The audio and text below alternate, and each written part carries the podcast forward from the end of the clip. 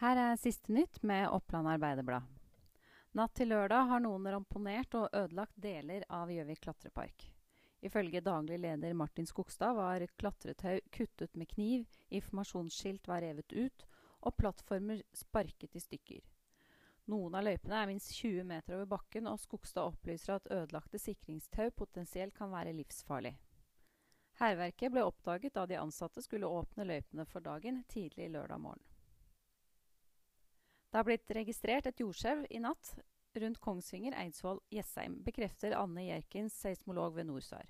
Skjelvet skjedde i går kveld i nærheten av Eidsvoll og har blitt målt med en magnitud på 1,8. Skjelvet kunne merkes også i Vest-Oppland, bl.a. på Hadeland. Søket etter ulven i Nordskini fortsetter denne uka.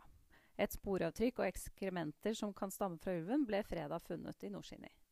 Både sporavtrykket og ekskrementene er ferskere enn funn av de døde søyene i forrige uke, opplyser Kjell Arvid Biskodden i SNO til OA. Bøndene som har sau på nordsiden i Vestås, skal ha sanket inn det meste av sauen sin nå, men det savnes en del lam og noen søyer.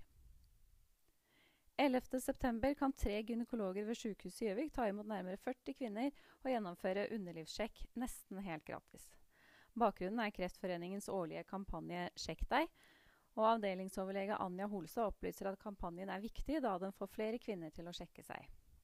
Hun opplyser at alle kvinner i alderen 25 til 69 år anbefales å ta en celleprøve hvert tredje år for å undersøke om det er celleforandringer i livmorhalsen.